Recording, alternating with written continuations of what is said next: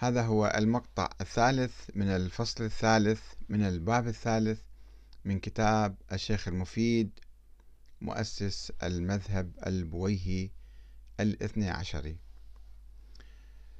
آه عدم استقرار الاثني عشرية النظرية الاثني عشرية حتى منتصف القرن الرابع الهجري. رغم كل تلك الأحاديث التي رواها الشيخ المفيد فإن النظرية الاثنى عشرية لم تستقر في العقل الإمامي الموسوي حتى منتصف القرن الرابع الهجري حتى أن الشيخ محمد بن علي الصدوق بن بابويه أبدى شكه بتحديد الأئمة في اثني عشر إماما فقط وقال لسنا مستعبدين في ذلك إلا بالإقرار باثني عشر إماما حتى الآن يعني واعتقاد كون ما يذكره الثاني عشر بعده وروى عدة روايات حول احتمال امتداد الإمامة بعد الثاني عشر وعدم الاقتصار عليه. وكان منها رواية عن عن الإمام أمير المؤمنين عليه السلام حول غموض الأمر بعد القائم وأن رسول الله صلى الله عليه وآله قد عهد إليه أن لا يخبر أحدا بذلك إلا الحسن والحسين. لماذا؟ لا نعرف.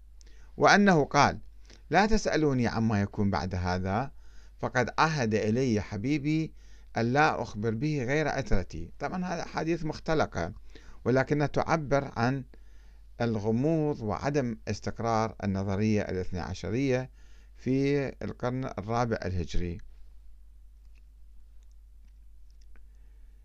وروى الطوسي أن رسول الله صلى الله عليه وآله قال لعلي يا علي إنه سيكون بعدي اثنا عشر إماما.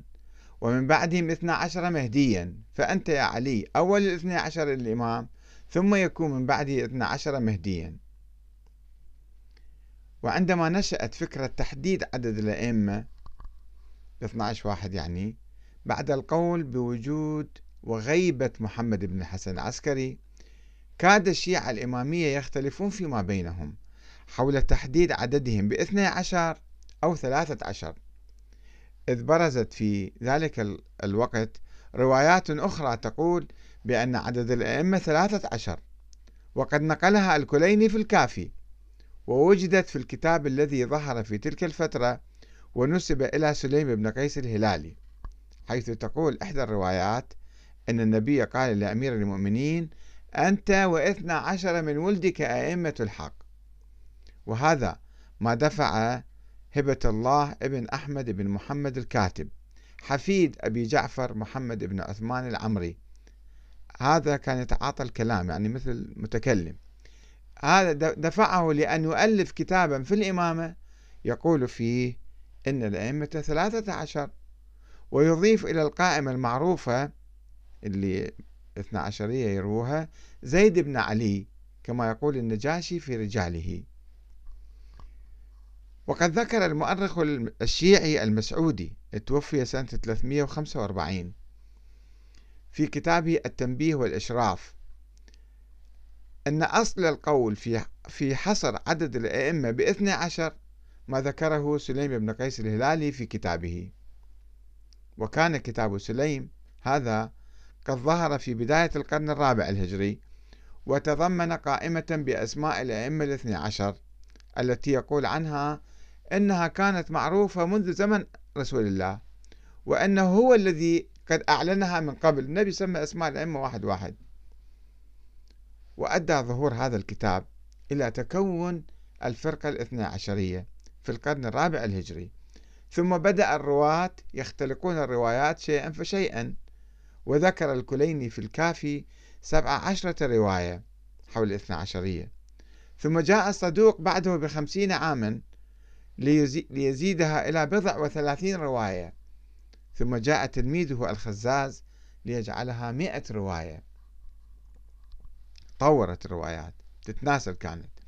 ومن هنا فقد اعترض الزيدية على الإمامية وقالوا إن الرواية التي دلت على أن الأئمة اثنا عشر قول أحدثه الإمامية قريبا وولدوا فيه أحاديث كاذبة. واستشهدوا على ذلك بتفرق الشيعة بعد وفاة كل إمام إلى عدة فرق وعدم معرفتهم للإمام بعد الإمام وحدوث البداء في إسماعيل ومحمد بن علي وجلوس عبد الله الأفطح للإمامة وإقبال الشيعة إليه وحيرتهم بعد امتحانه وعدم معرفتهم الكاظم حتى دعاهم إلى نفسه وموت الفقيه زرارة ابن أعين دون معرفته بالإمام. وإذا أردنا استخدام منطق المفيد آه، نفسه فإنه يمكن القول أن الروايات التي يوردها أصحاب النظرية الاثنى عشرية كلها أخبار آحاد لا يعضدها حجة ولا يمكن الادعاء بالعلم بصحتها. ومع هذا فالرواة مطعون عليهم لا يوثق بقولهم ورواياتهم لأنهم يجرون النار إلى قرصهم ثم أن رواياتهم أخبار متأولة. كما يقول المفيد بالنسبة للفرق الأخرى يستخدم نفس المنطق هذا. ومع ذلك فإن تلك الأحاديث ضعيفة بمقاييس علم الدراية والرجال عند الاثني عشر أنفسهم فهي متناقضة أو مرسلة أو مروية عن ضعاف أو كذابين أو غلاة أو مهملين أو مجهولين أو مختلقين. لا وجود لهم يعني مثل سليم بن قيس الهلالي. أو تحتوي على أساطير صارخة أو تخالف الحقائق التاريخية الثابتة وخصوصا أنها مروية في فترة الحيرة التي أعقبت وفاة الإمام الحسن العسكري سنة 260 وينهونها عادة إلى رجال من الفرق الأخرى الشيعية الأخرى كالكيسانية أو الواقفية أو الزيدية أو الفطحية أو غيرهم ممن لا يؤمن بالإمامة أصلا فضلا عن الاثنى عشرية. وذلك من أجل الإيحاء بصدورها وتأييدها من قبل الخصوم.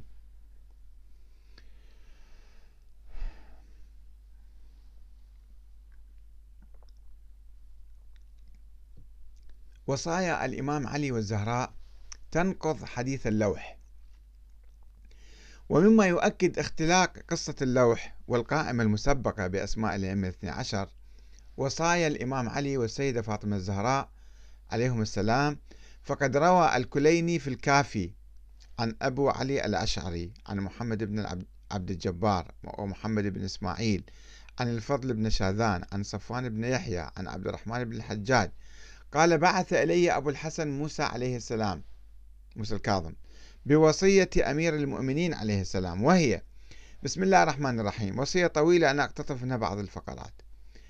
بسم الله الرحمن الرحيم. هذا ما أوصى به وقضى به في ماله عبد الله علي فإنه يقوم على ذلك الحسن بن علي يقوم على أوقافه. وإن حدث بحسن حدث وحسين حي فإنه إلى الحسين بن علي. وإن حدث بحسن وحسين حدث فإن الآخر منهما ينظر في بني علي. فإن وجد فيهم من يرضى بهداه وإسلامه وأمانته فإنه يجعله إليه إن شاء. وإن لم ير فيهم بعض الذي يريده فإنه يجعله إلى رجل من آل أبي طالب يرضى به. فإن وجد آل أبي طالب قد ذهب كبراءهم وذووا آرائهم فإنه يجعله إلى رجل يرضاه من بني هاشم. وإن مال محمد بن علي على ناحيته وهو إلى ابن ابني فاطمة.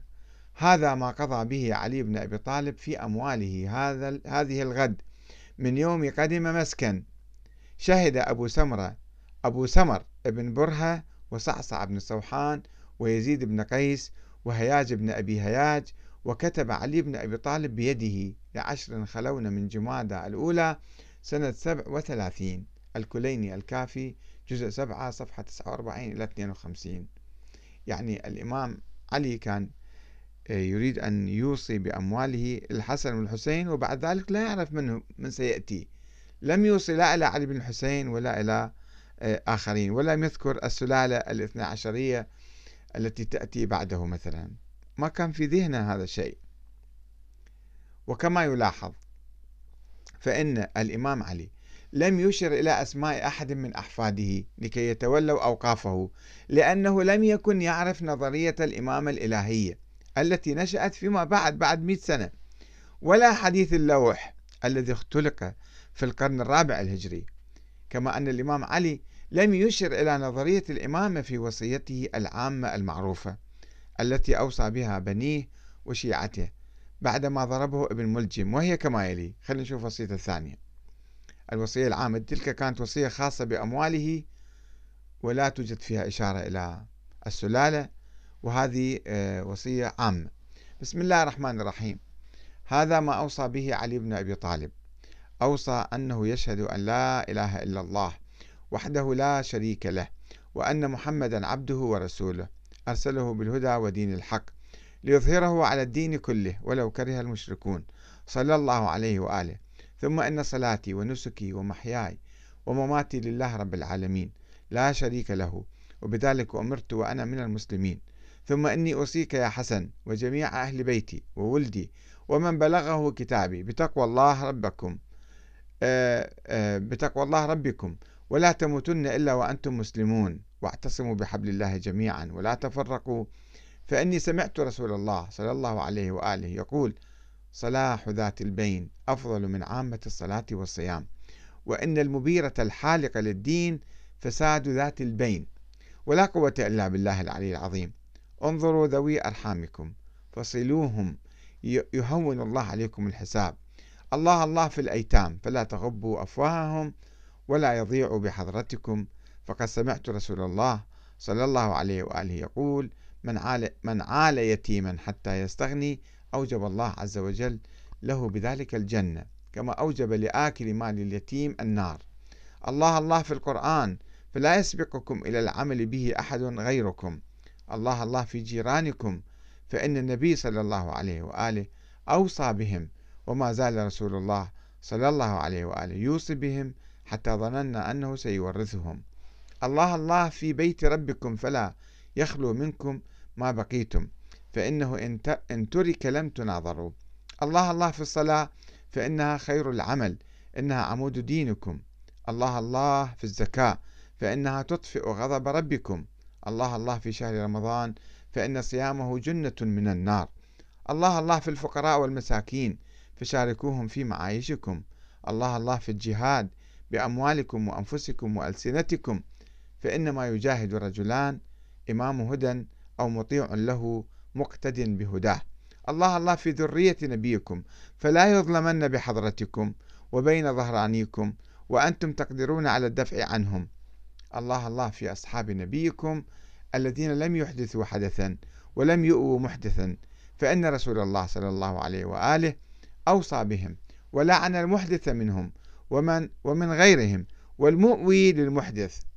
الله الله في النساء وفيما ملكت أيمانكم فإن آخر ما تكلم به نبيكم عليه السلام أن قال أوصيكم بالضعيفين النساء وما ملكت أيمانكم. الصلاة الصلاة الصلاة. لا تخافوا في الله لومة لائم يكفكم الله من أذاكم وبغى عليكم. قولوا للناس حسنا كما أمر الله عز وجل كما أمركم الله عز وجل. ولا تتركوا الأمر بالمعروف والنهي عن المنكر فيولي الله أمركم شراركم ثم تدعون فلا يستجاب لكم عليهم. وعليكم يا بني بالتواصل والتباذل والتبار وإياكم والتقاطع والتدابر والتفرق وتعاونوا على البر والتقوى ولا تعاونوا على الإثم والعدوان. واتقوا الله إن الله شديد العقاب. حفظكم الله من أهل بيت وحفظ فيكم نبيكم. أستودعكم الله وأقرأ عليكم السلام ورحمة الله وبركاته. هذه وصية معروفة يرويها الكليني في الكافي جزء 7 صفحة 49 ل 52 ولا توجد فيها أي إشارة إلى موضوع الإمامة أو الاثني عشر أو أي شيء من هالقبيل. وكذلك الحديث الذي يرويه الكليني عن الإمام الباكر حول وصية السيدة فاطمة الزهراء عليه السلام والتي جاء فيها بسم الله الرحمن الرحيم هذا ما أوصت به فاطمة بنت محمد رسول الله أوصت بحوائطها سبعة بساتين عندها سبع بساتين. العواف والدلال والبرقة والميثب والحسنى والصافية. وما لأم إبراهيم إلى علي بن أبي طالب. فإن مضى علي أوصت إلى علي يعني. فإن مضى علي فإلى الحسن. فإن مضى الحسن فإلى الحسين. فإن مضى الحسين فإلى الأكبر من ولدي. شهد الله على ذلك والمقداد بن الأسود والزبير بن العوام وكتب علي بن أبي طالب. ولم تسمي الزهراء في هذه الوصية أسماء الأئمة القادمين أو الاثنى عشر حسب ما يقول حديث اللوح مثلا. إذا كان تعرفهم كان سمت أسماءهم وقالت الأكبر في الأكبر. وإنما تركت الوصية الوصية مفتوحة في الأكبر من ولدها. وهذا هذه الوصية آه، تكذب حديث اللوح المفتعل والموضوع في فترة الحيرة الكبرى في فترة الغيبة الصغرى وتكون نظرية الاثني عشرية. آه، سوف نقف إلى هنا وإن شاء الله نواصل معكم في الفصل الرابع من الباب الثالث حول الإمام الثاني عشر. يولد من رحم نظرية الإمامة ولم تكن له أي أم حتى تولده. والسلام عليكم ورحمة الله وبركاته.